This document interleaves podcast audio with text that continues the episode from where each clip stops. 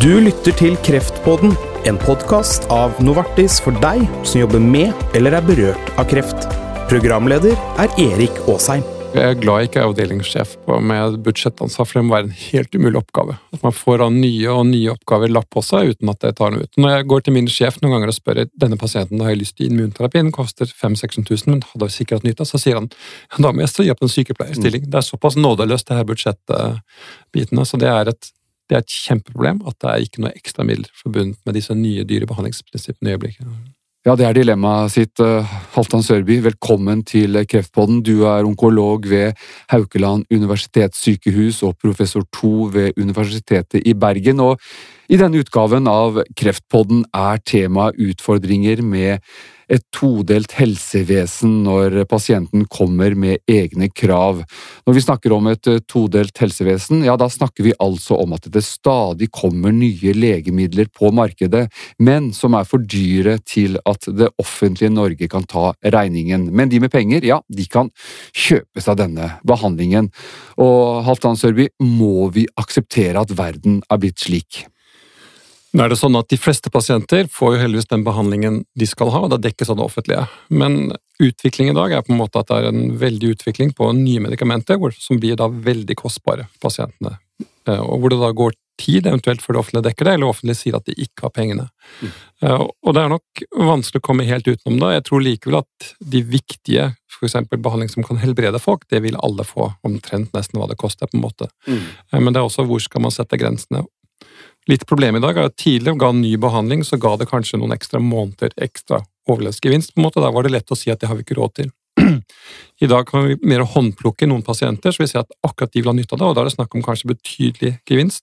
Dels års levetid, og kanskje noen også snakk om kan bli friske med behandlingen, kontra dø i løpet av få måneder. Mm. Men likevel så er det jo en del behandlingsformer som, som man i dag ikke har, har råd til. Og når du, og når du når du har en pasient foran deg som, som, du vet ikke har råd til dette, skal du da fortelle om alle mulighetene?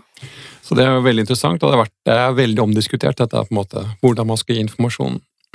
Noen leger mener at vi skal kun gi informasjon om behandling som er tilgjengelig i det offentlige sykehus, og der stopper det. Andre mener på en måte at vi må fortelle pasienten for å holde troverdigheten og ærligheten og dialogen åpen, må de gi all informasjon, også det er utenom på en måte mm. sykehuset. Eh, og en av legene valgte en konkret sak og ikke gi informasjon, for pasienten hadde så dårlig råd. Men han ble dømt av Etikkrådet. Så okay. vi har ikke lov å gi informasjon basert på pasientens økonomi. Det er ikke lov, i hvert fall. Så alle skal ha samme type informasjon? Alle skal ha samme type, da, men i øyeblikket er det litt to leirer. Noen som vil gi all informasjon, og noen som vil kun om det offentlige. Mm. Men, men, eh, tenker du at det er viktig også å gi informasjon om det som det offentlige ikke tilbyr? Jeg syns jo det på en måte, Hvis det er på en måte å holde eh, at man har eh, pasienten vet at du er ærlig med han, på en måte, og har den tilliten til deg. At man er åpen om også andre tilbud som finnes. Eh, og det er klart, På nett i dag er det jo lett å finne annen informasjon. Så jeg risikerer, ødelegger og risikerer lege-pasient-forholdet, mener jeg, og ikke være åpen om dette. her. Mm. Hva slags konsekvenser har et todelt helsevesen? Vi har noen konkrete eksempler. hvis vi kan ta Det Det er noe som heter MSI Hive kolonkancer, som forekommer omtrent 5-10 De pasientene har veldig nytte av immunterapi. Per i dag gir ikke det offentlige dette, her, men du kan få det, kjøpe det privat. Og Da går noen og kjøper det til privat, andre har ikke råd til det. Konkrete pasienter jeg har hatt, noen har kjøpt det privat, og andre har på en måte sagt de har ikke penger til det, og de dør hurtig. Mm. Det er mange som eh, venter på en eh, avgjørelse i Beslutningsforum, eh, som da bestemmer om man skal tilby disse ulike behandlingene i Norge. Og du som lege vet at man kan reise til et annet land for å få den og betale den selv. Hva gjør du når du vet at pasienten trolig vil dø i ventetiden, altså den tiden som Beslutningsforum trenger for å ta en avgjørelse, blant annet på grunn av langvarige prisforhandlinger? Hva sier du da? Nei, jeg må jo på en måte si at uh, den behandlingen finnes og koster såpass mye, på en måte, så må pasienten måtte gjøre et valg. Vi hadde jo en pasient som valgte å selge hytten sin, faktisk, da, mm. for å få behandlingen. Og klart, det er jo, jo arbeidsgiver som dekker dette. Og disse pasientene rekker ikke vente på Beslutningsforum. Det er ikke, De dør før den tid kommer. Så det er mye av vår bekymring også, at det tar litt for lang tid, disse forhandlingene med myndighetene og legemidlene, eh, firmaene, at det tar for lang tid for Beslutningsforum for å få tatt en beslutning. Altså. Hei, jeg heter Anita Fredriksen. Og jeg er Anita Henriksen. Så fint at du lytter til Kreftpodden. Denne podkasten er et initiativ fra Novartis for å fremme kunnskapsdeling og faglige diskusjoner innen fagfeltet onkologi. Den er ment for deg som jobber med eller er berørt av kreft. Vi spiller stadig inn nye episoder for å kunne utvikle podkasten med dagsaktuelle tematikker. Følg med og abonner på Kreftpodden, så blir du varslet når det kommer nye episoder. Du lytter til Kreftpodden. Jeg heter Erik Aasheim, og dagens tema er et todelt helsevesen. Og kreftlege Halvdan Sørby ved Haukeland universitetssykehus, når det gjelder levetidsgevinsten av å få eh, kreftbehandling på det siste. Hvor går grensen? Hvor mye penger skal man bruke for å få noen måneder ekstra versus muligheten for å bli helt frisk? Dette er dilemmaer som, som, som dere møter på i det daglige. Jeg tror ikke dette har endret seg litt. Da. For tidligere var det snakk om det. Du vinner noen måneder ekstra, og det koster så så mye.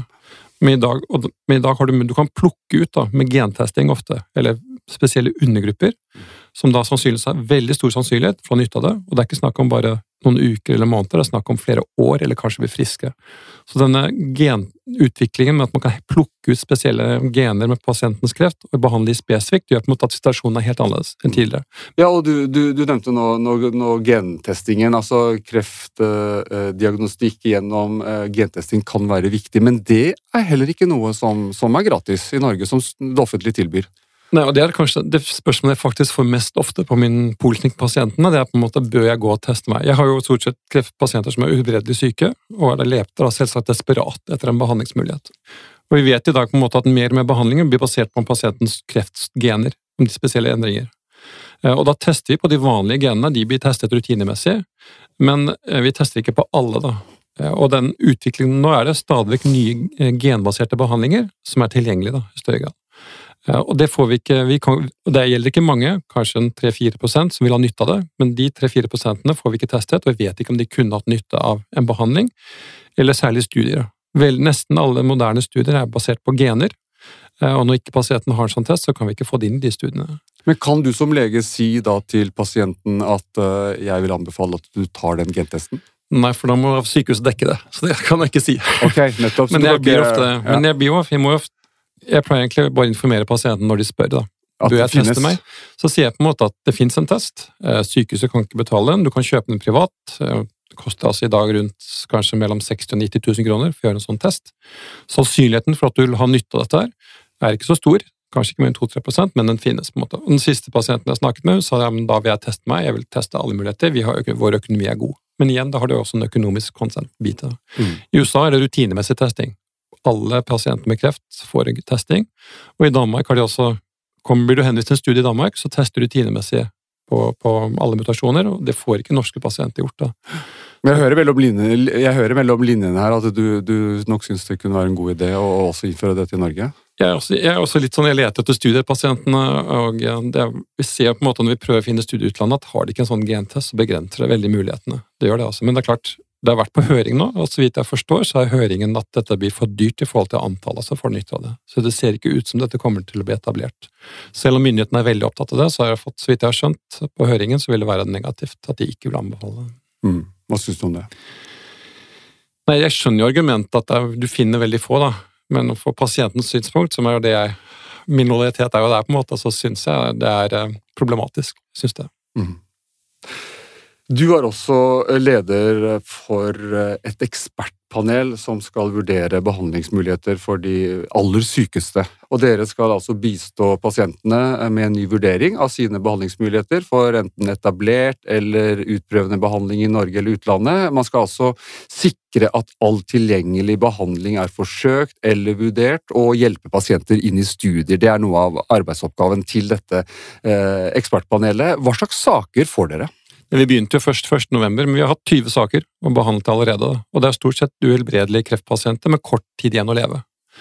Og da er det på en måte har, Noen har fått tilbud om et, en studie i utlandet, faktisk. Ehm, noen har hatt faktisk en gentest de har betalt selv, og gjort det lettere for oss å lete etter studier til de. Men for et stort flertall har vi endt opp med at de, kan, de har fått den behandlingen som er mulig å gi. Mm. Og det er klart, det er viktig å få tak i pasienter som skal ha behandling, men samtidig er det også veldig viktig at man ikke overbehandler pasientene. Og Det er en veldig fokus innenfor kreftbehandling i dag, på en måte, at uh, man altså choose wisely, heter det. Altså, og uh, tenk deg litt om før man gir behandling. Og det har vi diskutert veldig i dette panelet, på en måte også, hvor skal man legge listen for å gi en behandling, på en måte. Hva, hva har dere blitt enige om da? Nei, altså, tradisjonelt sett så har det vært i hvert fall at uh, en behandling skal iallfall gi to-tre måneder i til å overleve i tid. da. I hvert fall helst litt mer, da. Men så er det igjen problemet at hvis du spør pasienter, sånn, så de, de har et helt annet synspunkt på det. Det var en større studie som viste at uh, hvis behandling ga én ukes økt uh, levetid, så ville pasienten ha det. på en måte. Mm. Så jeg har hatt en del sånn vanskelige samtaler med pasientene på en måte hvor man diskuterer nytte, vunnet levetid opp mot livskvalitet. Da. Og Det er en veldig vanskelig diskusjon. og noen pasienter kan bli veldig provoserte og si at dette er jo, det er jo mitt liv, det er jeg som bestemmer. Hvordan kan du på en måte si hva som er meningsfullt for meg? Da? Så det er ofte en sånn veldig vanskelig samtale vi har. Men hvordan legger du det fram for pasienten? Det blir på en måte, Jeg må legge litt fram på en måte, hva er en sannsynlig gevinst, på en måte, hva kan du regne med, og hva kan vi risikere å ta på livskvalitet. da. Mm og prøver det best mulig.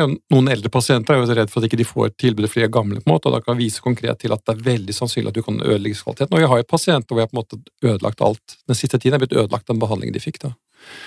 Eh, men samtidig lytter vi ofte pasientene. på en måte, Har de et veldig sterkt ønske om å forsøke, på en måte, så blir det ofte tatt hensyn til, men vi sier vi stopper veldig fort hvis det blir noen problemer. her, på en måte. Men det blir en individuell beslutning hvor man må se på risiko, og dels litt kostnader også, selvsagt, men risiko opp mot nytteverdi og pasientens ønsker. Men det blir veldig avhengig av pasienten. Og i dette ekspertpanelet som du leder, eh, er det en vanskelig jobb altså å si ja eller nei? nei altså, eller, er ganske, eller, er sakene ofte ganske klare? Nei, mange av de er jo nokså klare. Norske pasienter får stort sett god behandling i Norge. Det aller meste er veldig bra, det vi ser, og har vært henvist. da. Problemet er på en måte at når vi ser det er noen lovende studier Vi hadde en ung jente, kanskje bare 23 år, var ferdigbehandlet med all behandling og kort forventet levetid. Så fant vi en perfekt studie til henne egentlig i England med immunterapi, men hun fikk ikke gå inn, for hun var ikke britisk statsborger. Mm. Så liksom, da kjenner du på en måte at det her er eh, vanskelig. da. Å formidle den beskjeden til, til denne pasienten og hennes pårørende på en måte, at det var faktisk en lovende studie, men vi får deg ikke inn i den studien. Ja. Og de eh, har heller ikke midler til å betale selv? Men studiet kommer du ikke inn i uansett hvor god råd du har. på en måte. Og, mm. og um, ja, Det var nok riktig å gjøre dette i en studiesammenheng, ikke betale privat. for det er Såpass uh, lite dokumentert foreløpig. Men dette ekspertpanelet, dere har jo dere begynte å arbeide i, i november, så, så, det er ganske nytt. Men, men, dere har altså allerede anbefalt uh, at et par får iallfall behandling, uh, nå, ikke, for ikke så lenge siden. Men er det sikkert at det rådet vil bli fulgt? Hvem bestemmer det? Nei, Det har jeg jo vært veldig spent på sjøl. Det er jo tilsvarende panel i Danmark, og de vet faktisk ikke om rådene følges. da. Ja, for er, I Danmark har man holdt på i 14 år med dette. Ja. ja. Nei, altså, tanken vår er jo å innhente om vi skal følge opp på en måte og sjekke om de fikk hva rådet ble fulgt eller ikke, og hvorfor det ikke ble fulgt. da. Mm. Det mest... Um, Problemet er i to av tilfellene så har vi anbefalt de får immunterapi utenom studiet. Dekkes da av sykehuset, og det følger ikke noe med middel i medvårråd. Det er klart, men da har vi sikret oss på en måte at dette er på en måte hele fagmiljøet i Norge er enig om dette. på en måte. Mm. Og så vil vi nok sjekke om rådet blir fulgt, og blir det ikke fulgt, så kommer vi nok til å rapportere det oppover i systemet. Eh, at dette ikke blir fulgt. Jeg, men jeg regner med det blir fulgt. Så, sånn. så du har et håp at den makten har dere siden dette panelet er, er opprettet? Ja, for de har, veldig, de har vært veldig sånn opptatt av eventuelt legge litt føring for hva vi har lov å si om. da. Det ja. betyr kanskje at de har tenkt, sett at de kanskje må følge rådene når de først kommer. da. Men samtidig på en måte tenke at det må være veldig klare gevinster skal vi gi et uh, råd som er såpass kostbart. Ja, og så må man også være opptatt av å advare mot uh, urealistiske forventninger. Det er også en viktig del av uh, jobben din, ikke sant? Ja, og det er klart, vi er ikke noe som mirakelpanel som skal finne en behandling til alle sammen. Vi skal liksom finne er det noe vesentlig her som burde vært gjort, eller kan forsøkes for disse på At man skal ha trygghet for det, og kanskje la være å reise til utlandet til å prøve noe meningsløst. Mm. Og så er jo spørsmålet, da, eh, er jo også når nok er nok. Eh, hva sier du eh, til pasienten om det? Altså, overbehandling er et stort etisk dilemma for, for leger. Ja, det er klart man har alltid lyst som lege å prøve et eller annet, da. Men vi ser på en måte at når det store de viktige tingene er prøvd, på en måte, så er det en del andre ting man kan prøve, men da ved høy risiko for mye bivirkninger igjen. Ødelegges kvaliteten. Så, men det tar meg dobbelt så lang tid å stoppe en behandling kontra bare fortsette på en måte. Mm. Så det tar litt tid og krever litt, men samtidig er det veldig viktig å ta den diskusjonen. på en måte. Og jeg syns fleste pasientene, på en måte, når de får en sånn vel, velbegrunnet informasjon, så sier de ja, men da fokuserer jeg på den nærmeste tiden min med pårørende og bruker den livskvaliteten på det. Så det er utrolig imponerende altså, hvordan mange tar en sånn beslutning. Men det er klart det er et veldig tungt skritt å kjenne at nå er det ikke mer å gjøre. nå går jeg inn i den siste fasen. Så det er en stor overgang, på en måte, men det er imponerende hvordan pasienter gjør dette. Altså. For det, det, det å behandle folk nærmest ned, ned i graven, det er jo det man skal være opptatt av som Det er jo de spørsmålene man, man må ta opp med, med, med pasienten hele tiden. Ja da, og det er, så det er på en måte, det, Mange har, skjønner dette her. Altså, Pasienter er jo fornuftige, mange av disse. her, og da finner vi ofte til en god løsning. Men det er veldig viktig å ha det aspektet at man behandler du på en måte pasienten rett før hun dør, på en måte, og så har du gjort en feil som en lege. Så. Og så har du jo alle disse behandlingene som, eh, som man leser om i avisen, ikke sant? at folk vil, eh, folk vil prøve uh, rundt omkring. Som jo også noen ganger er det jo velprøvd, men Beslutningsforum i Norge har da sagt at det vil vi ikke støtte. Er det, det krever jo også ganske mye kunnskap fra, fra legene å sette seg inn i alle disse tingene som skjer rundt omkring i verden, og følge med på de ulike studiene, ikke minst. Ja, det er en kjempevanskelig jobb. Vi ser jo bare vi som jobber sånn supereksperter på enkle fagfelt, vi er vanskelig nok for å henge med, vi. rett og slett. Men det er klart, de store gjennombruddene hvor det virkelig er snakk om gevinster, det man, har man for. Der er man oppdatert på. Tre ting å ta med seg fra denne samtalen. Jeg tror på en måte at eh, i sånne vanskelige etiske situasjoner hvor ting er der den mener jeg det er viktig å være åpen. Å ha en åpen, ærlig dialog med pasientene eh, som helsepersonell, og bevare tillitsforholdet mellom helsevesenet og pasienten. Det mener jeg er viktig. Å gi de egentlig da den, all informasjon som er tilgjengelig, så får man i samråd finne ut hva som er mulig for pasienten. Og selv om det er mye skrik i media om pasienter som ikke får behandling og dyr behandling, på oss, så er det de aller fleste pasienter får gjennom det offentlige helsen. I Norge er vi heldige og får dekket de store, viktige tingene. Det er noen få ting som ennå ikke er på plass, men, eh, men det er en få pasienter. Og når det gjelder disse gentestene, som det er så mye eh, snakk om, på en måte, så er det bare en liten undergruppe som, eh, som kunne, hvor dette kunne vært nyttig. Det store antallet har ikke nytte av disse testene, som vi tror. på en måte. Så det offentlige dekker veldig mye. Det mangler fortsatt en liten bit, på en måte, men eh, man har god grunn til å være, eh, ha tro på det norske helsevesenet. Takk til deg, Halvdan Sørby ved Haukeland universitetssykehus. I neste episode av Kreftpodden så skal vi snakke om kreft og seksualitet. Her er det mange gode muligheter, men da må legen også tørre å ta disse samtalene med pasienten. Vi vil få gode tips fra sexolog og kreftsykepleier Randi Gjessing fra Akershus universitetssykehus. Jeg heter Erik Aasheim. Vi høres i Kreftpodden.